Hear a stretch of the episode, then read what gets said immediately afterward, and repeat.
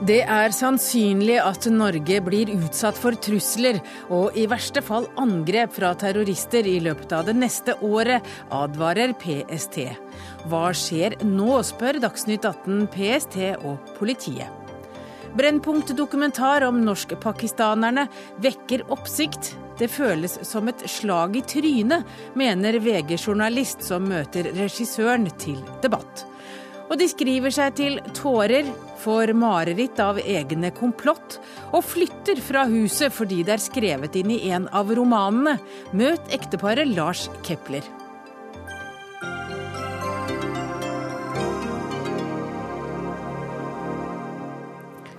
Velkommen til Dagsnytt 18. Dette er altså noen av overskriftene i dagens sending. Jeg heter Hege Holm, og først så skal vi altså til dagens oppdaterte uh, trussel om terror. For mens statsminister Erna Solberg sto på Stortingets talerstol og redegjorde for Norges bidrag mot terrorgruppa IS, kom meldingen om at terrorfaren er større enn vi trodde. En ny vurdering fra Politiets sikkerhetstjeneste, som altså skal supplere revidere trusselvurderingen for 2014 sier at det er fare for trusler eller i verste fall terrorangrep i løpet av de neste tolv månedene i Norge. Og, og hvordan henger disse to elementene sammen, IS-bekjempelse og trusselnivå? PST-sjef Benedicte Bjørnland. Ja, Det henger jo noe sammen, men det er ikke alene det at Norge nå skal bidra tydeligere militært i koalisjon med USA, som gjør at vi sier at det er sannsynlig at det kan skje en handling i Norge eh, de neste tolv månedene, med mindre man iverksetter eh, risikoreduserende tiltak, vel å merke. Men det er eh, en utvikling i senere tid hvor vi har sett at ISIL har gått fra å ha en lokal ambisjon på bakken om å etablere kalifatet og konsolidere dette, til også å ha en global ambisjon. Og det er bl.a fra ISIL uttrykt eh, i en tale i september, hvor man oppfordrer ISIL-sympatisører eh, på hjemmebane til å utføre terror. Og det er altså eh, land som støtter USA i krigen mot ISIL, som blir spesielt nevnt og skal rammes. Så det er dette elementet. I tillegg så har Norge et voksende miljø med eh, ISIL-sympatisører, hvor enkelte også vurderes å ha et voldspotensial.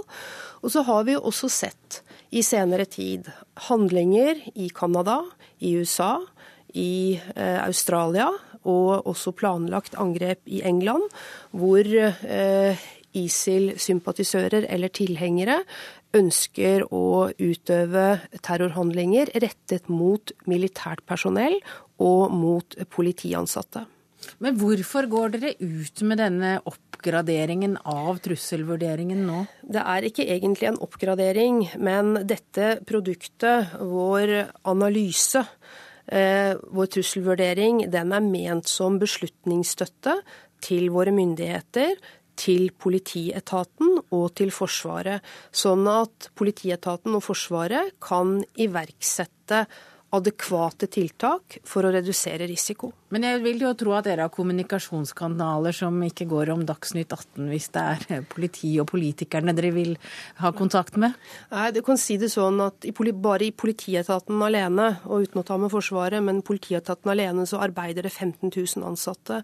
Og det å tro at vi kunne gå ut med en sånn vurdering bare for disse 15 000 ansatte uten at dette hadde kommet ut på et eller annet vis, det tenker jeg ville være naivt. Da var det viktig for oss å ha kontroll på informasjonen og kunne gi et korrekt bilde fra starten. og forhåpentligvis hindre spekulasjoner. Men er det noen konkrete mistanker om, eller sannsynlighetsberegning om terrorangrep som gjør at dere nå går ut? Det er ikke avdekket konkrete planer om et terrorangrep i Norge. Vi har ikke slik kunnskap. Da ville en sånn vurdering fått et, helt, annen, et helt annet valør. Eh, og så får jeg også understreke at når vi sier sannsynlig, så mener vi at det er mer sannsynlig at noe skjer enn at det ikke skjer. Dette er ikke eksakt vitenskap. Dette er å predikere for fremtiden. Eh, lage et etterretningsprodukt, det er beheftet med usikkerhet. Men det er det beste form for beslutningsstøtte som vi kan gi, med utgangspunkt i vår fagkunnskap og våre metoder. Odd Reidar Humlegård, du er politidirektør. Hvilke konsekvenser får den ja, si, intensiverte trusselen for deres arbeid?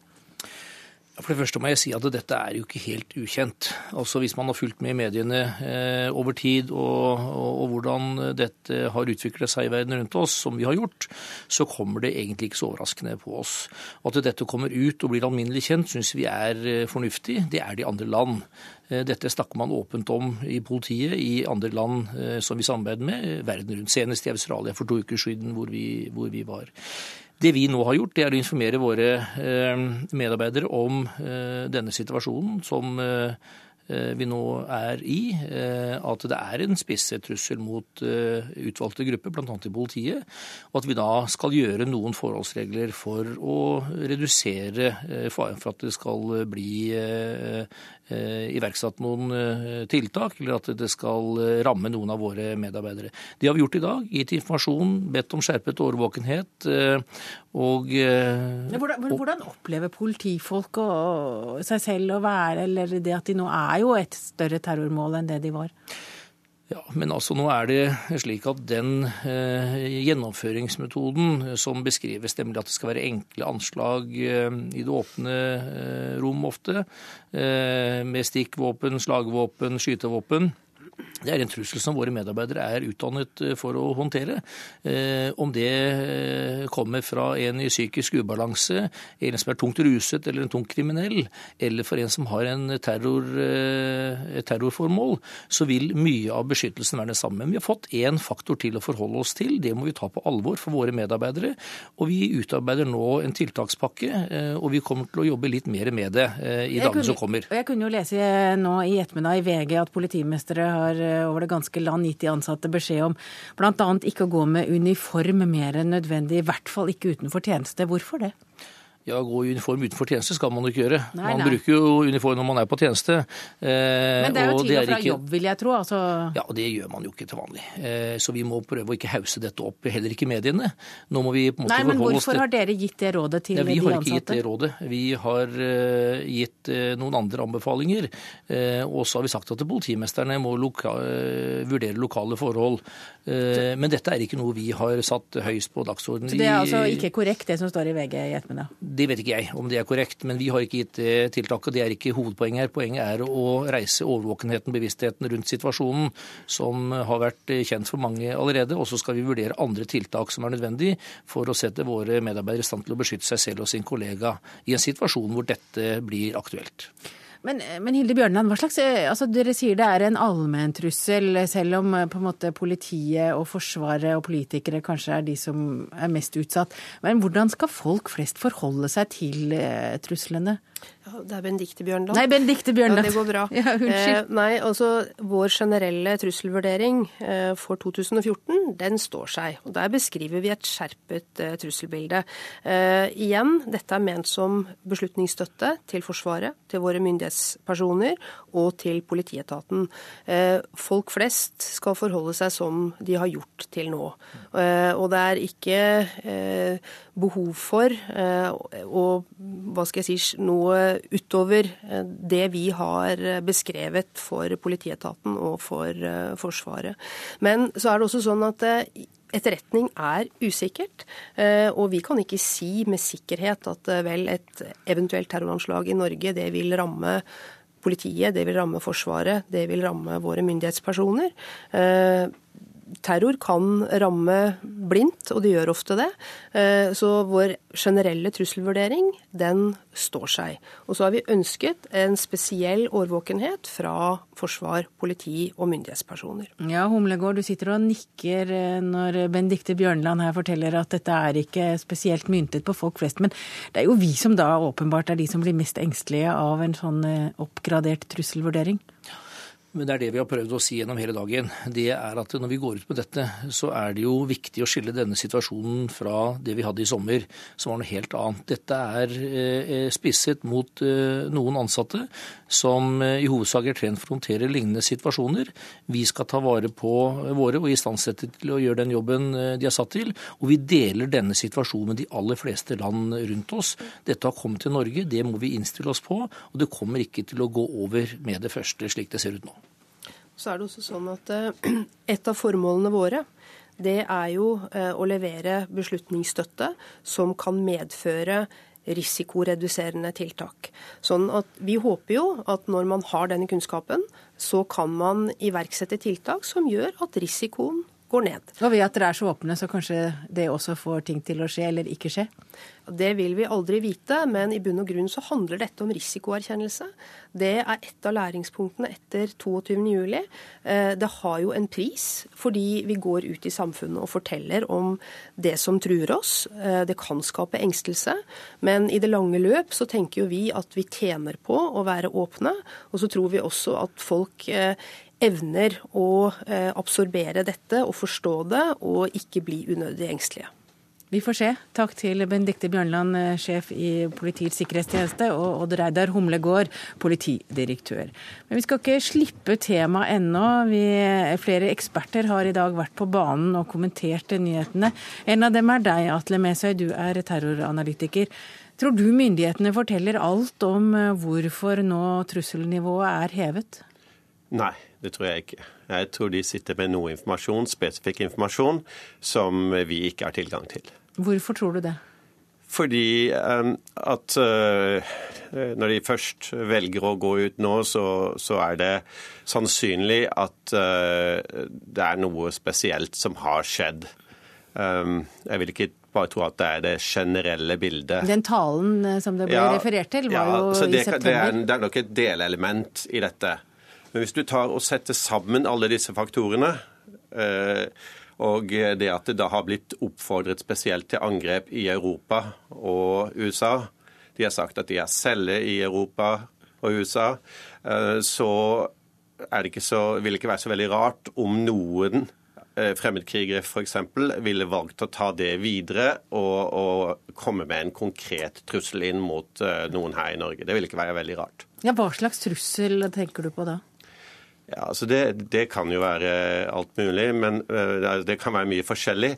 Men uh, altså, trusselen mot uh, myndighetspersoner, sånn som det tidligere har kommet fra en del mentalt ustabile personer, så kan det nå komme fra eksempelvis fremmedkrigere som da eh, ønsker å ta den, eh, altså budskapet til, eh, til, ISIS da, og ta det til, til, det landet der hvor de kommer fra. Men hvor sannsynlig er et angrep?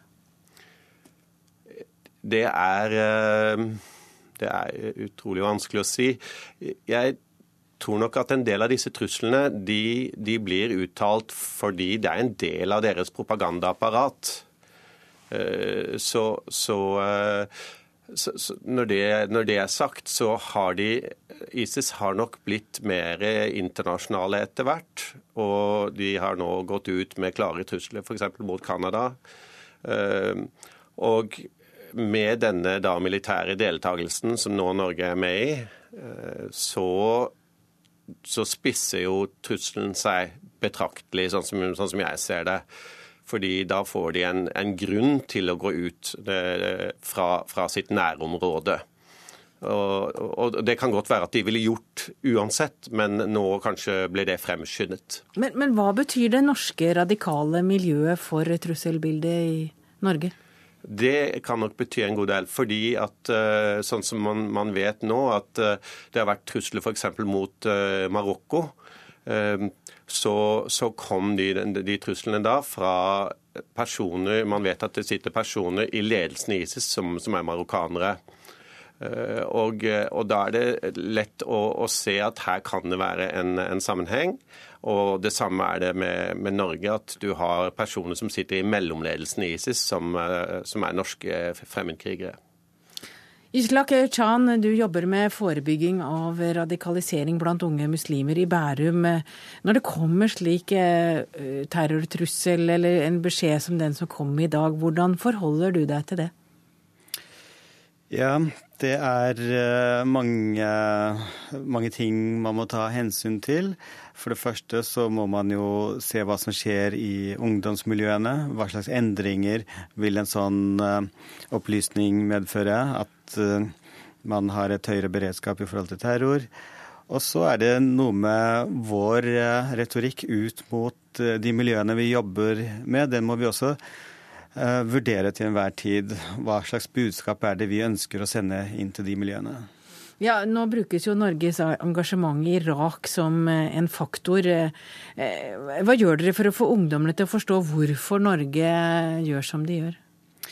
For å si det først, så syns vi at det er en, en mangelvare, dette her med kommunikasjon ut mot unge, sinte muslimer som reagerer på at muslimske land gjennom lang tid har vært okkupert, bombet osv. Eh, jeg mener at eh, storsamfunnet mangler en tilnærming til denne gruppen for å forklare hvorfor man er med på denne type aksjoner. Men hvem er det du mener skal forklare? Det tenker jeg er manges oppgave. Er en, uh, altså vi er i kontakt med denne befolkningen, altså disse menneskene, unge, sinte muslimene, som reagerer på dette her. Og noen er lærere, noen er uh, i kontakt med dem uh, gjennom jobb, noen er i kontakt med dem gjennom sine sosialarbeiderprofesjoner. Så det er mange som må ut der og forklare at vår rolle i forhold til dette her handler om det og det og det. Og da må vi som storsamfunn være enige med oss selv om hva er det vi ønsker å sende av signaler. Og det er jo ikke alltid like enkelt. Men er det mange sinte muslimer som du møter i din hverdag? Ja, det må jeg si. Og jeg må også si det at Um, vår deltakelse i konflikten uh, nå uh, gjør ikke at uh, disse unge, sinte mennene blir noe blidere. Hva sier de om hvor langt de er villige til å gå når de er så sinte? Um, det er eh, Noen har en veldig sterk, skarp retorikk i forhold til det. Noen eh, er eh, føler seg forpliktet til å si noe og mene noe fordi de forventer at det er det de skal si i sine miljøer. Men jeg tror også at man ikke skal tenke at nå er det noen som på en måte har helt bensin på et bål. Men det er klart at storsamfunnet må forvente at det kommer reaksjoner fra, fra, denne gruppen. Men hva slags reaksjoner snakker du om da? Jeg snakker om uh, alle typer reaksjoner. Det kan være alt fra trusler til en, en skarp retorikk eh, som eh, fremmedgjør dem enda mer fra storsamfunnet. Vi må huske på at veldig mange av disse som som, som, på en måte er unge, sinte muslimske menn, da, hovedsakelig, de, de, står ganske langt utenfor samfunnet i utgangspunktet. Men føler du at du får sagt noe, gjort noe eller gjort en forskjell? Vi har i vårt samfunn, i vårt lokalmiljø, bygget broer inn mot den, eh, denne gruppen i lang tid. Jeg føler at vi har en, eh, gjennom den relasjonen en viss tyngde. Men dessverre så er det også nyrekruttering, nye unge mennesker som kommer inn og på en måte kjøper uh, disse unge sinte mennene sine argumentasjoner. Er dette viktig i terrorbekjempelse på norsk jord, å ta de sinte mennene i Bærum mer på alvor? Eller andre steder? Ja, det er utrolig viktig. Det er, det er, eh, det er nok ingen tvil om at hvis, hvis, eh, personer som har politiske ytringer, sterke meninger, hvis de får lov til å komme mer frem og blir hørt mer, så vil de ha mindre behov. Eh, det er kjent innen, innen konfliktforskning og, og, og terrorforskning. Eh, sånn at eh, Det er det et stort behov for, og det er et behov for at de blir plukket opp der hvor de er sårbare, der hvor de holder på å falle utenfor systemet. For det er det som ofte skjer med disse. At eh, de f.eks. Ja, en som, som, jeg leste om nettopp nå, som har en, en lang, lang historie. Um, som, som, får en viktig posisjon da i, i ISIS, han eh, hadde et utgangspunkt hvor han ønsket å bli noe annet enn det han ble. Han falt rett og slett utafor systemet. Og, han, og, og, da har du ungdomsarbeidere, du har skole, du har så mange steder de kunne ha blitt plukket opp, og har ikke blitt det. Og dette er jo en stund siden, men vi kan jo håpe at det er blitt noe bedre nå. Takk for at dere kom til Dagsnytt 18 i kveld. Dagsnytt 18 alle hverdager kl 18.00 på NRK P2 og NRK2.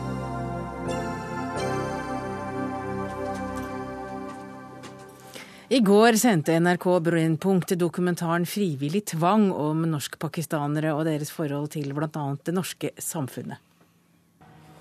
Jeg føler, meg, jeg føler meg mest som en ekte 100% pakistaner. Fordi jeg bor i et område hvor det er eh, mest eh, pakistanere, og hjemme så er vi mest pakistanere, ja. Det som er at Her i Norge så blir jeg kalt for pakkis. Men eh, hvis jeg er i Pakistan, så der så sier de at jeg er norsk. Sånn, du vet, Gora. Og egentlig, jeg vet ikke hva jeg liksom. Er norsk eller pakistaner? Fortell meg, ja. Ja, her hørte vi 18 år gamle Hassan, som også forteller at han gjerne vil ha en hjemmeværende pakistansk kone som etter hvert kan ta seg av barna og foreldrene hans. Vi får også høre historien til Fatima, som har blitt tvangsgiftet, og komiker Abu fra serien Tabu med Abu forteller om hvordan det var å hente en kone fra Pakistan fordi mamma ønsket det så sterkt. Dokumentaren vekker oppsikt, og mange liker ikke det bildet som blir tegnet av norsk-pakistanere. Og en av de som eh, reagerte når du så Brennpunkt, det var deg, Shazia Sarwar. Du er journalist i VG. Hva er det du ikke liker? Først vil jeg si at uh, de historiene som blir fortalt i Brennpunkt, der uh, de finnes. Det er riktig og nødvendig å fortelle dem. Det som er hovedproblemet, er at de er ikke hele sannheten. Og alle de som ikke er i miljøet, vet jo ikke helt hva som har skjedd i det norsk-pakistanske miljøet de siste årene. Og eh, vi ser en flik eh, av hvordan ting faktisk er. Det har jo vært en rivende utvikling i det norsk-pakistanske miljøet.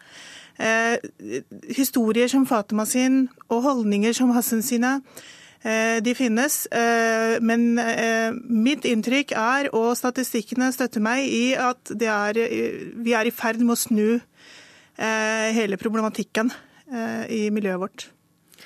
Er det noe du ikke har fått med deg på veien, Ulrikke Imitias Rolfsen? Du er regissør og har laget dokumentaren.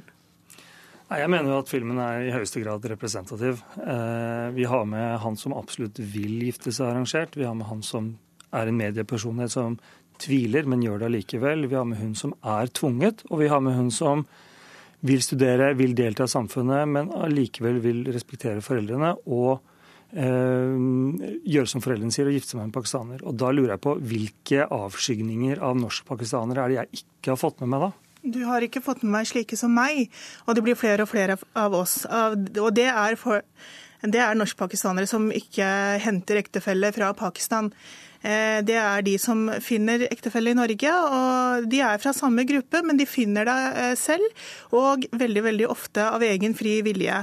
Og Det som er viktig for meg å understreke, er at henteekteskap har sett en dramatisk nedgang de siste årene. Altså, De tallene har stupt, og det er en virkelighet man ikke ser. I utgangspunktet så var det 75% av alle ekteskap var henteekteskap i denne gruppen.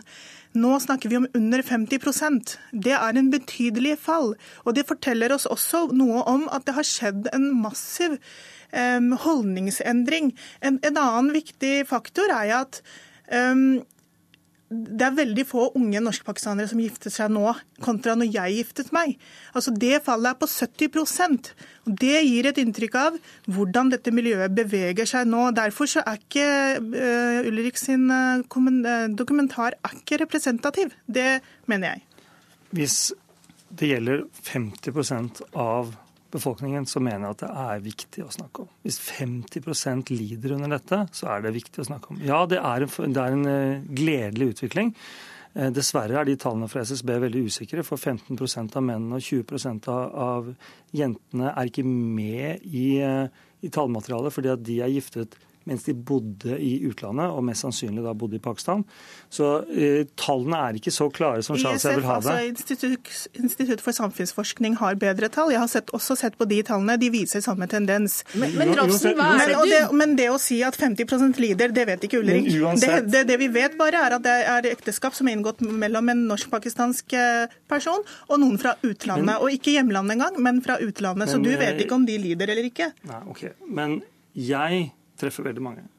Jeg har laget film om norsk-pakistansk miljø siden 2005. Eh, jeg har holdt utallige foredrag på videregående skoler. Jeg treffer hundrevis, tusenvis av disse ungdommene. De tar kontakt med meg. Jeg snakker med dem hele tiden. Men, men egentlig så trenger jo ikke dere Dere beskriver jo den samme virkeligheten, ja, og... men, du, men, du, beskriver det sånn som det er nå, mens hun sier at det er blitt mye bedre. Hva er det du vil med filmene dine og denne dokumentaren? Jeg ønsker å fortelle hvordan det er. Jeg ønsker å, å kaste lys på en, en, en, lukket verden som de færreste nordmenn har eh, innsikt eh, i. Og jeg blir jeg blir forundret over at eh, Shazia har lyst til at filmen skal handle om henne. Det er ikke så veldig mange kvinnelige pakistanske VG-journalister.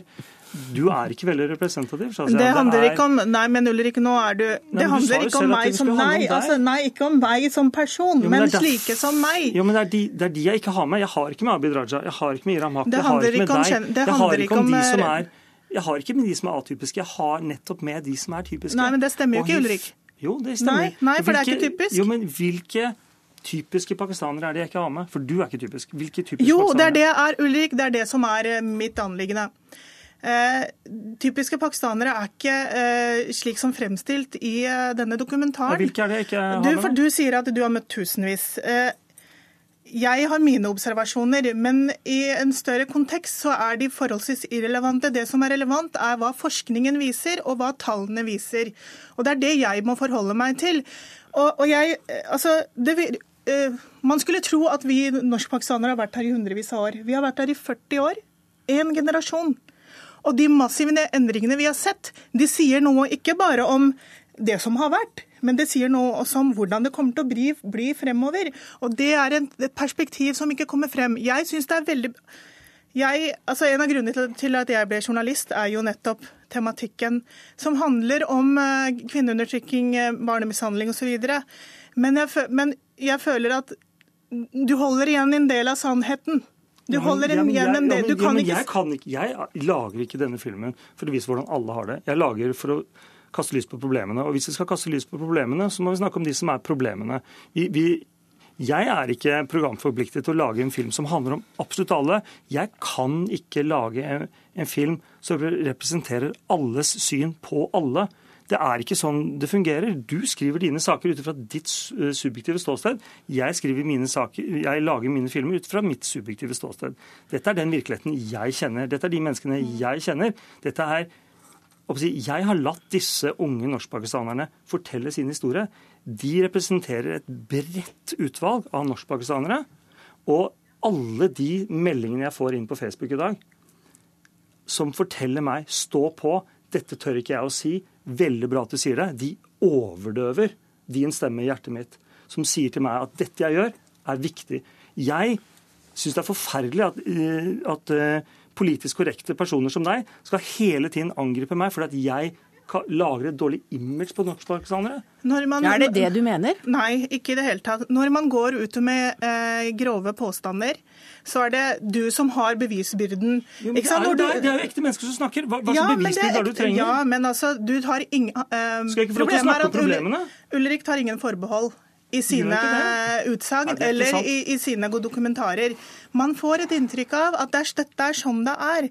Eh, Hovedbudskapet sånn mitt er at det er ikke så representativt som eh, Ulrik skal ha det Men til. Men tror du ikke at denne debatten som nå er satt i gang, åpenbart med folk som støtter eh, Rolfsen og folk som eh, støtter ditt syn, og det var mange av dem på Twitter også i går, mm. det kunne vi se.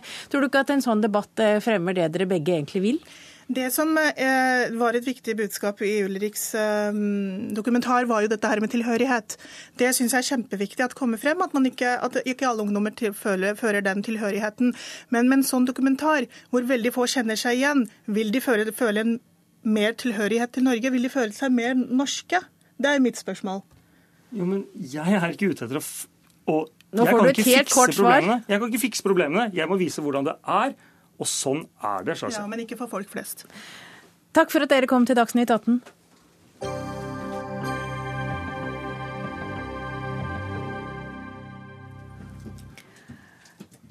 Å eie egen bolig det er viktig for veldig mange nordmenn. Så viktig at politikerne har gjort det til en svært fordelaktig investering.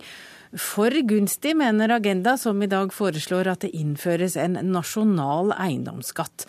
Og du er leder i tankesmien Agenda, Marte Gerhardsen. Hvorfor vil dere skattlegge alle boliger i Norge? Ja, først må jeg si at Det er jo en stor oppslutning i Norge om at vi skal ha et omfordelende skattesystem. Og det er også ganske stor oppslutning om nivået, skattenivået vi har. Vi har akkurat gjennomført en undersøkelse fra Agenda som viser at 54% syns at skattenivået i Norge er passe, og 10 har lyst til å betale enda mer. Eh, så utgangspunktet så er det Så det er de ti prosentene dere nå tar med? Nei, Nei, for vårt utgangspunkt er at vi skal ikke skatte mer. Vi ønsker å ta utgangspunkt i det skattenivået vi har i dag. Eh, altså før disse blir ferdig med regjeringsforhandlingene, eller med budsjettforhandlingene. Men, men at utgangspunktet av det skattenivået vi har i dag er passe. Det har oppslutning, men det kan bli smartere. Eh, og det vi i Tankesmien Agenda har gjort, er jo å sette oss ned og se hvordan skal framtidas skattesystem se ut. Hvordan skal vi gjøre, sikre at det blir effektivt, at det blir eh, enkelt å forstå og at det blir omfordelende. Innenfor den rammen vi har. Og da ser vi at eh, nasjonal eiendomsskatt er en naturlig del av et framtidig skattesystem. Men hvordan tenker du deg det? Ja, det, hvordan, Akkurat hvordan det skal være, det er det Nei, men Skal du skru opp eh, skattene og, altså etter taksten på bolig prosentvis? nå er det sånn at akkurat det med eiendomsskatt, Hvis du spør økonomer i Norge, så tror jeg ikke du, det er nesten helt umulig å finne en økonom som ikke er enig i at, at, det er lurt å skatte eiendom, for det er et godt skatteobjekt. Men det er ganske mange meninger om hvordan det skal gjøres. Eh, det er fire forskjellige måter å gjøre det på, som i, i hovedsak. Fire ulike modeller. Det ene er å, å justere ligningsverdien på boligen. Eh, og skatte den på samme måter som andre skatteobjekter. Eh, en annen er å få det gå tilbake til den ordningen vi hadde i 2005 med fordelsbeskatning av bolig. Eller så er det mulig å innføre en egen eh, boligskatt, eventuelt gevinstbeskatning på salg. Så det er forskjellige metoder. Men, men du snakker er... om boligskatt og du snakker om eiendomsskatt, og det er jo litt to forskjellige ting. En eier jo ofte hytte og en eier en bolig en bor i. Det, skal du skattlegge all eiendom, eller er det bare der vi bor? Ja, det vi har tatt utgangspunkt i, er at eh, eiendom er i dag et ekstremt lukrativt eh, investeringsobjekt. Og for å si akkurat Hvilken modell vi skal velge, det må vi utrede. Men Tenker du på bolig, eller tenker du på eiendom generelt? Vi tenker på bolig, primærbolig, sekundærbolig osv. Eh, det som skjer i, eh, i Norge i dag, er jo hvis du har, eh, skal vurdere om du skal investere i bolig eller i annen, f.eks. i bankinnskudd eller i, eller i arbeidende kapital, så, så vil det være veldig attraktivt å investere i bolig. Fordi, ikke, fordi, den ligningsverdien er så lav, og skatten blir så lav. Så Derfor har vi fått en vridning i Norge hvor det er veldig lukrativt å investere i eiendom. Så det, det vi har sagt i Agenda, er jo at den siste utredningen om eh, boligskatt i Norge, den ble gjort i 1996. Det er veldig veldig lenge siden. Så det vi trenger nå, er å, at man får en politisk enighet om at eiendomsskatt eller boligskatt er en er en fornuftig del av et framtidig skatteregime. Og at vi må begynne å utrede og se hvordan skal dette gjennomføres på best mulig måte. Og så vil du skru ned inntektsskatten? Ja, fordi jeg vi mener jo at eh, skattenivået i utgangspunktet er passe. Men vi må skatte smartere. Vi må skatte eh, på en måte som gjør at vi får til mer omfordeling, og som er mer effektivt. Og da vil det være riktig å skattlegge bolig noe mer, og sånn at vi kan heller justere og redusere skattene på inntekt. Peter Batta, du er generalsekretær i Huseiernes Landsforbund, og du mener dette forslaget er direkte umoralsk. Hvorfor det? Nå hører vi jo slike forslag med jevne mellomrom. Eh, og det er tydelig at Marte Gerhardsen ikke har nok å gjøre i Agenda. Eh, den må kaste seg på denne bølgen, som da har vært forkastet i, i et stort flertall på Stortinget nå eh, hver eneste gang noen har tatt opp, tatt opp ballen til debatt. Så selv om Marte påstår at det er lenge siden sist, i 1996, så pågikk den debatten i flere år. Det er sikkert veldig mange som husker Lundteigen, og hvor også jeg var aktivt med. Og, hvor konklusjonen ble at det er for det første veldig vanskelig å fastsette eh, rettferdige og riktige eh, takstverdier som skattegrunnlag for, for boligmassen i Norge. Det er store prisforskjeller, verdiforskjeller på landsbygda og i byene. Eh, det, det, det endte opp med forrige gang som en konklusjon, det var at en, en statlig boligskatt ville, ville etter, etter, den modellen som da ble lagt på bordet, ville ført til at det ble en, en byskatt. Fordi man skulle legge seg mest mulig opp til markedsverdier. Og Det er vel litt av det Marte også nå legger opp til, så vidt jeg forsto på innledningen hennes. Det blei forkastet. Man ønsker ikke å ha en, en byskatt i Norge. Og etter en, en lang og grundig debatt på slutten av 90-tallet, så ble hele forslaget lagt i skuffen. Samme skjedde 20 år tidligere, samme skjedde 20 år forut for det. Så uh, Slike uh, boligskattedebatter har vi med, med 15-20 års mellomrom, og så er det vel derfor den dukker opp igjen nå. Uh, og den blir altså hver gang forkastet. Og jeg må jo si at jeg tenkte på Mine tanker gikk til Martes bestefar, Einar Gerhardsen, som var opptatt av å bygge landet, og at flest mulig skulle eie sin egen bolig i etterkrigsårene. Vi fikk Husbanken nettopp som en sosial boligbank for alle, hvor alle kunne få lån hvis man bygde boliger innenfor visse strenge grenser. Eh, var tomteprisen var regulert, og også størrelsen på boligen. Vi har fått en boligmasse i Norge som er veldig jevnt fordelt. Eh, det har også ført til at vi har fått en veldig god og fin og, og jevn formuesfordeling i samfunnet, fordi 80% eier sin egen bolig. Petter Bata, nå kan, du, nå kan du trekke pusten litt, så skal Marte få lov å svare på. Er det bare en sånn der, eh, altså, Tar du bare opp en syklisk debatt som ikke har vært på 20 år? Eh, nei. Og en av grunnene til at det er viktig å ta opp denne debatten nå, er at vi får en økonomi som er stadig mer globalisert. Og det, det, som er fint med eiendom, er at den kan vi ikke flytte til Cayman Island. Den sitter der. Eh, den ligger fast. Og, og det, det, er en internasjonal diskusjon. Vi har fått veldig sterke råd fra OECD bl.a. Eh, om at vi bør innføre eiendomsskatt i Norge på lik linje med, med veldig, veldig mange andre land. Så det er, en, det er, ikke noe som vi bare har tatt opp igjen, det er en, en internasjonal debatt som pågår, og som også er, er relevant for Norge. Og så er det, Jeg er jo veldig enig i det Batta sier, om at det har vært en sterk norsk politikk for å sikre at folk skal eie sin egen bolig, med rentefradrag og prisregulering på bolig og mange, og Husbanken, som du nevnte. Men nå er vi i en situasjon hvor vi har fått en, en, en veldig høy formue nå plassert i, i, boliger i Norge, og det har fått en veldig Ja, og det vil du gjerne gjøre noe med. Vi har en gjest til her, Siri Meling, du er nemlig stortingsrepresentant for Høyre. Hva syns du om om forslaget fra Agenda? Eh, jeg syns jo at dette er et eh, dårlig forslag. Eh, vi tenker jo i Høyre at det er en fordel at folk i Norge eier sin egen bolig. Det er et velferdsgode. Når vi satt i regjering sist, så fjernet jo vi den beskatningen av det å bo i egen bolig. Og vi har jo òg programfesta for denne stortingsperioden at vi er mot boligskatt. Ja, er det sånn at så, folk da heller vil begynne å leie hvis det blir for dyrt å eie? Ja, det kan du si at det kan, kan, være et resultat. Men vi tenker at det er et velferdsgode at folk i størst mulig grad eier sin egen bolig. Og jeg syns jo det er underlig. Altså, Venstresiden er jo hele veien på hogget i forhold til å finne nye skatteobjekter. Vi tenker at boligskatt ikke er, er veien å gå. Tvert imot, det er et velferdsgode å, å, å eie sin egen bolig. Hvis, men, men, eh, OECD vil jo at vi skal legge på eiendomsskatt, ifølge Gerhardsen? Ja. Men, men, hvis det er så lukrativt å ha egen bolig, så har jeg jo lyst til å utfordre Marte Gerhardsen Gerhardsen på, på eh, hva tenker du da om rentefradraget? Eh, det at vi kan trekke fra gjeldsrenter eh, i forhold til gjeld vi har på egen bolig. altså hva tenker du om det? Er det òg noe hun ønsker å fjerne? Vi har også vurdert det i notatet og kommet til at det tror vi blir være vanskelig å gjøre. Og at det blir riktigere å innføre en, en form for boligskatt. Uh, og det, ja, jeg tror det er viktig at Vi er jo begge enige, og, og, alle tre som er med i programmet her, at det å eie sin egen bolig er en bra ting, og det er et velferdsgode. og dette er jo ikke, uh, vil jo ikke være et angrep på det. Uh, det som er, og Vi vil heller ikke prøve å finne masse nye skatter, men vi vil ha et smartere og mer effektivt skattesystem. Og da er det riktig å kunne beskatte bolig noe mer enn vi gjør i dag, fordi vi i dag ser en veldig skeivhet. Et eksempel er jo at hvis du har fire millioner og bestemmer deg for å investere de i bolig, Eh, så vil du da skatte Eller du vil ikke skatte av det i det hele tatt, for du, eh, du skal skatte 25% av ligningsverdien. Eh, og da blir det 1 million, og så har du 1 million i bunnfradrag, og så blir det ikke noe skatt. Hvis du tar de samme fire millionene og investerer de i en maskinpark f.eks., for fordi du har lyst til å starte eh, næringsvirksomhet, så skatter du av hele eh, beløpet, og må da ender opp med 30 000 i skatt. Så I dag så er det en veldig skjevhet der som alle økonomer i Norge er enig har, har blitt, blitt, veldig skjev. og Det er derfor det er riktig å ta opp denne debatten nå.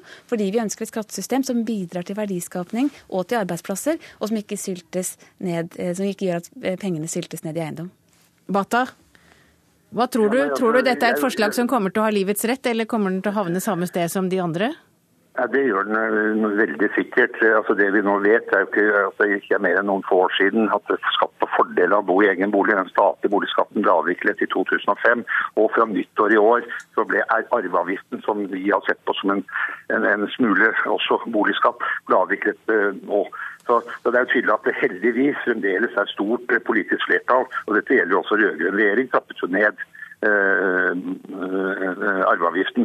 Så, så, så, Man ønsker å skjerme bolig for beskatning, og det er, det er liksom også vår politikk. Og Jeg vil gjerne påpeke når Marte Gerhardsen er opptatt av at flest mulig skal fortsatt få lov til å eie sin egen bolig, da må hun ikke innføre virkemidler som gjør det stikk motsatte. Altså Vi behøver jo ikke gå lenger enn til Sverige, som har hatt en helt annen politikk enn i Norge, hvor man da har eh, hatt mye hardere boligbeskatning enn. Og heller ikke det er veldig, veldig hard, men, men eh, betydelig hardere enn her. Og det har regelrett ført til at halvparten er leietagere, halvparten eier bolig, fordi de ikke har råd til å, kjøpe bolig og betale den skatten som da har, vært avkrevet her. Så dette, henger direkte sammen. Det, det, hun nå foreslår, vil føre til at, at, mange færre vil ha mulighet til å skaffe sin egen bolig. Og det vil bli klasseskiller her, og det vil også gå utover generasjoner. Det er de som skal inn i boligmarkedet, som nå har en, en høy boligpris å komme, for å komme inn, som også i tillegg skal få en boligskatt opp på dette, til tross for at banken eier eh, 80-85 av boligverdien. Ja. Så skal de altså betale eiendomsskatt og på toppen Men Peter Batta, så, så det, dette, dette, henger ikke på greip. Og, Peter Batta, dette henger ikke på greip, sier du, og du er opphissa i din ende av telefonen. Marte Gerhardsen er tross alt leder for en tankesmie, og formålet med den er jo å skape debatt. Og det har hun klart. Og den debatten får fortsette utenfor studio. Takk for at dere kom.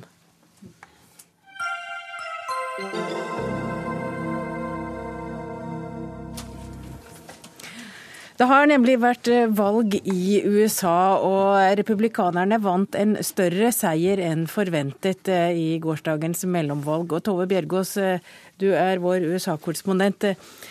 Hvordan vil nå amerikanerne merke at republikanerne har gjort et så godt valg? Vi får se hvor mye de klarer å, å, få igjennom oppe på Capitol Hill. For de må samarbeide med Obama for å klare å få vedtatt mesteparten av politikken sin. Han kan jo legge ned veto. Men, men det de ønsker, er jo eh, lavere skatter for de rike og stanse deler av helsereformen til Obama. Og minske offentlige utgifter og, og få vedtatt byggingen av en eh, omstridt eh, olje- og gassrørledning, The Keystone Pipeline. Hva slags reaksjoner har kommet i dag? Det er jo eh, selvransakelse i Det demokratiske partiet.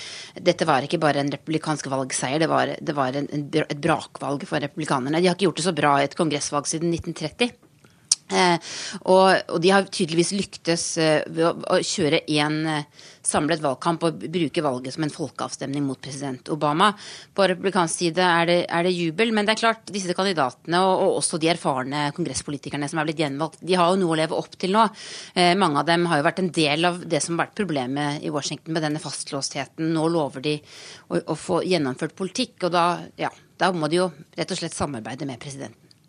Jan Arild Snoen, du er journalist og kommentator i Minerva. Hvilke muligheter gir denne seieren eller valgseieren til eh, republikanerne?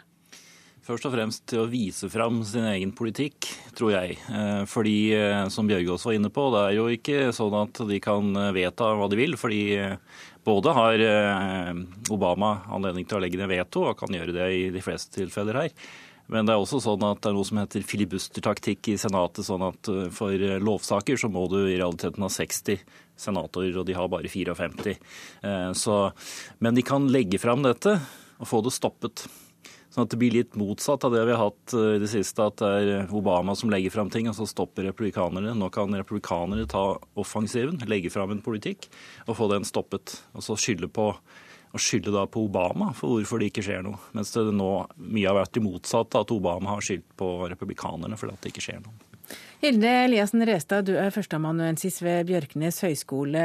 Hvilke muligheter har Obama for nå å få gjennomført sin politikk? Han har to år igjen, og da er det slutt. Han har to år igjen, og så er det slutt. Uh, utenrikspolitisk har han mye større handlingsrom uh, enn i innenrikspolitikken. Så uh, det, jeg vi holder de to skilt. Når det kommer til innenrikspolitikk, så for å få gjort noe særlig, så må han samarbeide med republikanerne. Eventuelt bruke executive orders, som det har vært litt snakk om i amerikansk media. Men igjen så vil det da bli sett på noe som ikke er veldig samarbeidsvillig, at man gjør ting unilateralt. Men, men, altså Obama han har to år igjen og han må samarbeide. Men, men, han vil jo igjen gå inn i en valgkamp snart. Og for at eh, demokratene skal vinne den også, kanskje med Hillary Clinton, hvem vet. Eh, hvordan må han da forholde seg til det politiske spillet? Det er akkurat det. Han er jo ikke en fri, en fri mann som sådan. Han kan eh, ikke trenger å bekymre seg over sitt eget gjenvalg, men har jo som ansvar som president å få sitt parti gjenvalgt. Og nå er det vel en ganske offentlig skittentøysvask i amerikanske medier mellom de demokratiske senatorene, ledet av Harry Reed, og Det hvite hus, som driver og skylder på hverandre hvem som har gjort eh, feil i denne valgkampen. Hvem sin feil er det at eh, demokratene har gjort det så dårlig? Så det første må de bli venner igjen. Eh, sånn at de kan samarbeide mot 2016. Men hva må republikanerne gjøre for å få presidentembetet om to år? Nei, jeg tror det er det jeg var inne på i stad. At de må vise fram at de har en eh, positiv agenda. At de faktisk har noe alternativ politikk, og ikke bare er imot eh, Obama. Jeg tror det. Nå kan det være sånn at de kan ha den motsatte taktikken også, at dette skal falle dem i hendene. For det er jo vanlig i USA at du får sitte i Du blir gjenvalgt. Du får sitte i åtte år. Men så er det slutt. Det er det vanlige. Eh, sånn at hvis du får en vanlig svingning, så vil republikanerne kunne ta det. Men på den annen side så er republikanere som, som varemerke ganske, ligger ganske tynt an i USA. Er ganske upopulære som parti. Og Washington er upopulært. Nå republikanere har styringen i hele Kongressen. Eh, så jeg tror nok at de er tjent med å ha en mer positiv eh, innfallsvinkel. At de faktisk må legge fram noe politikk som de skal selge. Ikke nødvendigvis da få den vedtatt, men som de selger. Det her var jo et rejection election. Det var jo ikke det at folk stemte for republikanerne, de stemte mot eh, Obama, gjerne. Ja, Tove Bjørgaas, eh, hvilke utfordringer er det som venter politisk de neste to årene? Ja, det er jo å få gjennomført eh, politikk rett og slett i landet. Det er noen veldig veldig viktige oppgaver som ligger foran eh, både Obama og Kongressen. Den viktigste er immigrasjonsreformen, som de nesten er nødt til, mener jeg, å få vedtatt disse to årene. Fordi den handler om kampen om en viktig velgergruppe i 2016, latinamerikanske velgere. Eh, og her har det vært eh, handlingslammelse i mange år. Obama har nå sagt at han vil handle på egen hånd gjennom en såkalt executive order dersom ikke Kongressen klarer å vedta en reform. Men her tror jeg det er grunnlag for et, et, samarbeid mellom eh, de to. Men det jeg også ville si til det med republikanerne og presidentvalget, er at det som også skjedde i går, er at de gjorde veldig, veldig bra i guvernørvalgene i mange delstater. Og der ble eh, flere potensielle presidentkandidater gjenvalgt. Og amerikanerne liker vinnere. Det, Scott Walker i Wisconsin f.eks. John Kasich i Ohio. Had, fikk store seire og, og, fikk vist seg fram. Og, og, det, eh, og de sant, har ambisjoner, så det er også viktig for republikanerne. Helsereformen har jo vært en, en, viktig sak for eh, Obama så lenge han har sittet. Hva kan det nye flertallet gjøre med den? De skulle vel gjerne ha reversert den loven, men det har de prøvd på utallige ganger. Og eh, som sagt så har jo Obama vetorett. Men eh, det som kanskje mer sannsynligvis kommer til å skje, er vel det at man kommer til å prøve å, å ta vekk visse deler av loven, svekke loven, eh, jobbe imot den på den måten. Eh, det er også en, en stadig en risikabel sak, fordi at selv om helsereformen som fenomen er upopulær, så blir velgerne gjerne eh, tilknytta de delene av reformen som man sjøl drar nytte av. Og sånn sett blir det mer og mer risikabelt eh, å prøve å reversere den loven. Noen, eh, når du fikk resultatet av denne valgkampen og valgresultatet, ble du overrasket? Nei, vil ikke si det. Eh, det var ventet at republikanerne skulle gjøre et godt valg og ta Senatet. Men de gjorde det litt bedre. Og de, det, de vant flere ting, og de vant med større margin. Enn også meningsmålingene hadde sagt.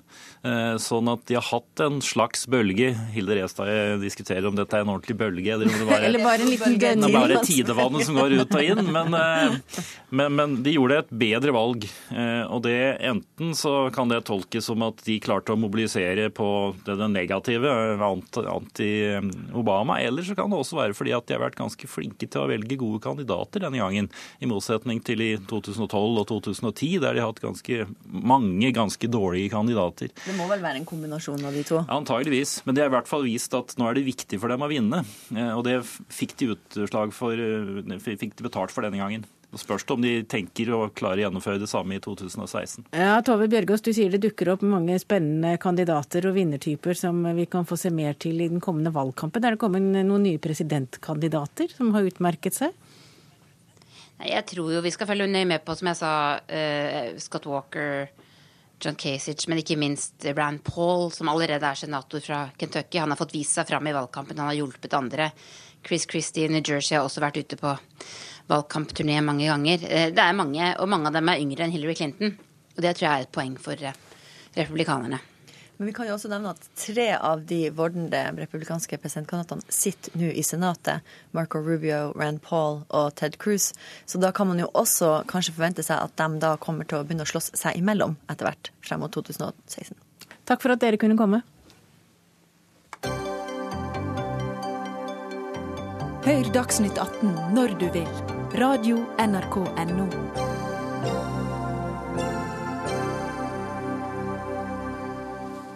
Ja, og inn i studio kommer det et ektepar som har skremt eh, meg, i hvert fall de siste dagene. De har nemlig skrevet en bok som heter Stalker. Eh, Forfatteren kaller seg Lars Kepler, og bak det pseudonymet skjuler ekteparet Alexander og Alexandra Andoril seg. Og ekteparet har altså solgt fem millioner bøker. Dette er den femte boka.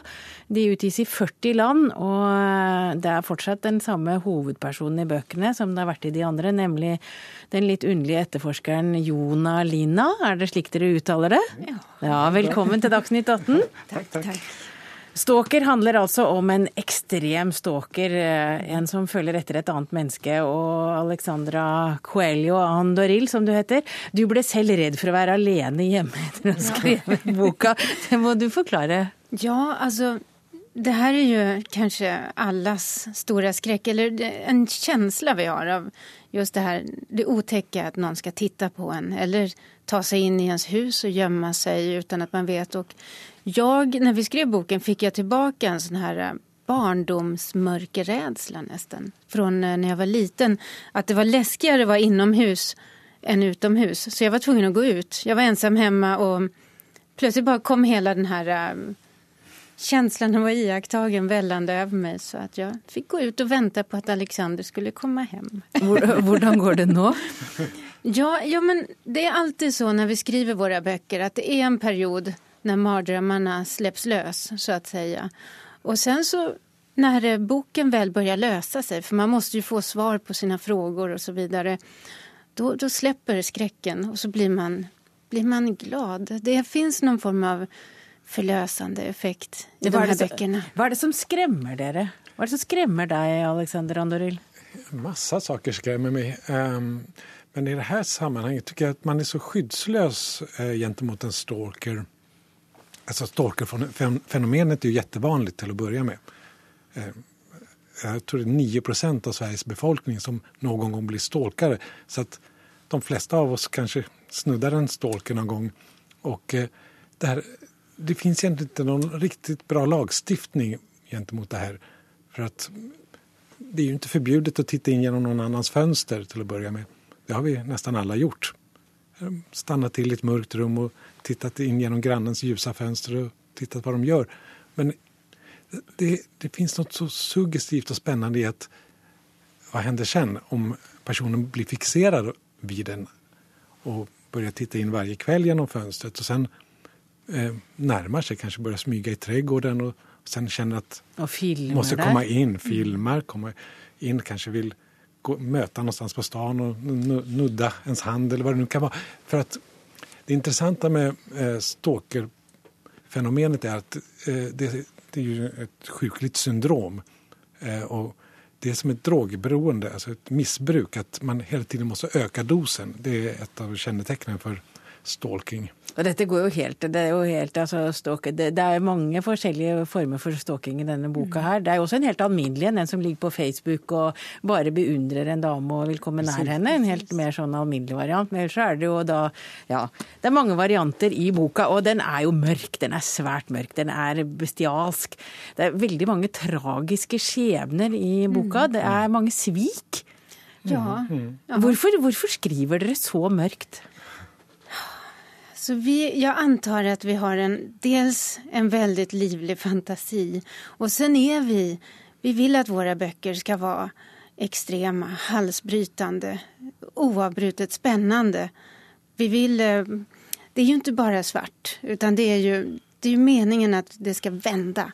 Att man ska få överraskningar och kanske, kanske uppfattar man det som så, eh, vad ska man säga, otäckt och nära för att eh, för att man bryr sig om människorna i boken. Jag hoppas det i varje fall, för vi bryr oss om dem väldigt Men dere vil skremme leseren? Ja, det vill vi jo, Men vi vill också eh, alltså visa empati. Det är ju många kärleksfulla relationer också, det ska man inte glömma. Men det är ju det att eh, då blir det spännande också för då börjar man bry sig om eh, den här kärleksrelationen som finns med, den lilla söta flickan som finns med. Men, och så fort man känner någonting i sitt hjärta för en karaktär i en bok, då blir det veldig spennende. Men når det er en mørk krim, så tror du jo det er noe galt med den personen du fatter eh, Precis. sympati med. Ja, man, skal, man, kan, man kan ju aldrig. Hypnose spiller også en viktig rolle. Hypnose trodde jeg på en måte var eh, helt gått av moten. Ja, nei, vi, vår hypnotisør fra første boken er tilbake. og det, det beror jo på at um, ikke det litt juks? Ja, alltså, svensk polis använder ju väldigt mycket hypnotisører hypnotisörer för Mm. att eh, förhöra vittnen. Då. Det går inte att användas i rättssammanhang men, men just för att komma vidare i en polisundersökning är det ganska vanligt. Och i det här fallet är det jo ett vittne som hittar sin fru mördad och han blir så traumatiserad av det han ser så han städar hela huset, han dammsuger golv, han lägger mattan i tvättmaskinen och sen bäddar han ner sin döda fru i sängen och kan inte komma ihåg hur det såg ut innan och för att polisen ska kunna se ett mönster mellan morden så måste de komma åt hans minnen och då tar de in en hypnotisör. Lars Kepler er jo et pseudonym eh, for folk dere beundrer. Avdøde Stig Larsson er Lars, og vitenskapsmannen Johannes Kepler er Kepler. Eh, Hvorfor skriver dere heter Alexander og Alexandra, holder ikke det? Det hade pseudonym?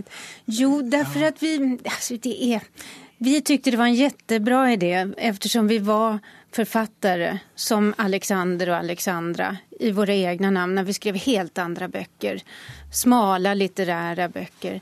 Um, och när vi började det här samarbetet med en helt ny genre, krimi, så ville vi, vi ville att manuset skulle bli läst anonymt. Vi skickade in det anonymt till förlaget eftersom det var vårt förlag och vi ville inte att de skulle ta boken för att de kände oss eller för att vi var välkända författare i Sverige. Fordi han har skrevet om Bergman, og du har skrevet om Tycho Brahe. og- Ja, jag vill, vi ville helt enkelt att se om funker funkar boken bara utan att, för Sverige är en sån liten ankdamm som sagt.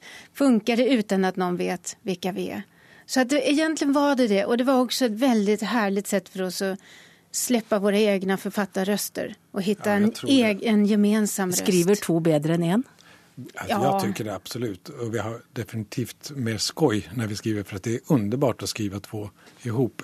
För annars att vara författare är ju ganska ensamt förstås. Man sitter i sin egen värld år ut och år in och släpper egentligen inte in någon förrän boken är klar. Men när man skriver två då byter man text, tankar hela tiden. Det, vi bollar allt med varandra vi, och vi fortsätter att prata.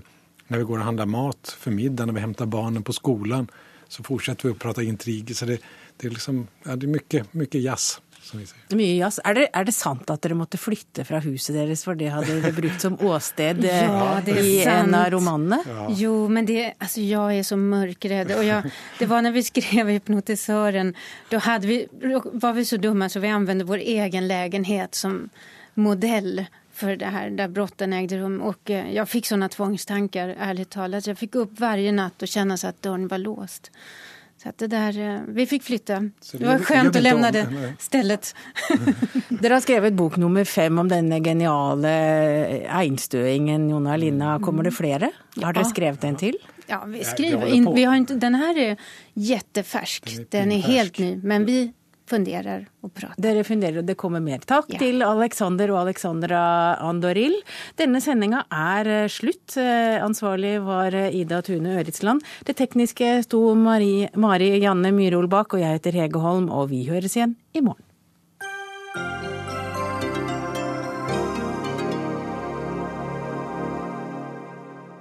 Hør flere podkaster på nrk.no podkast.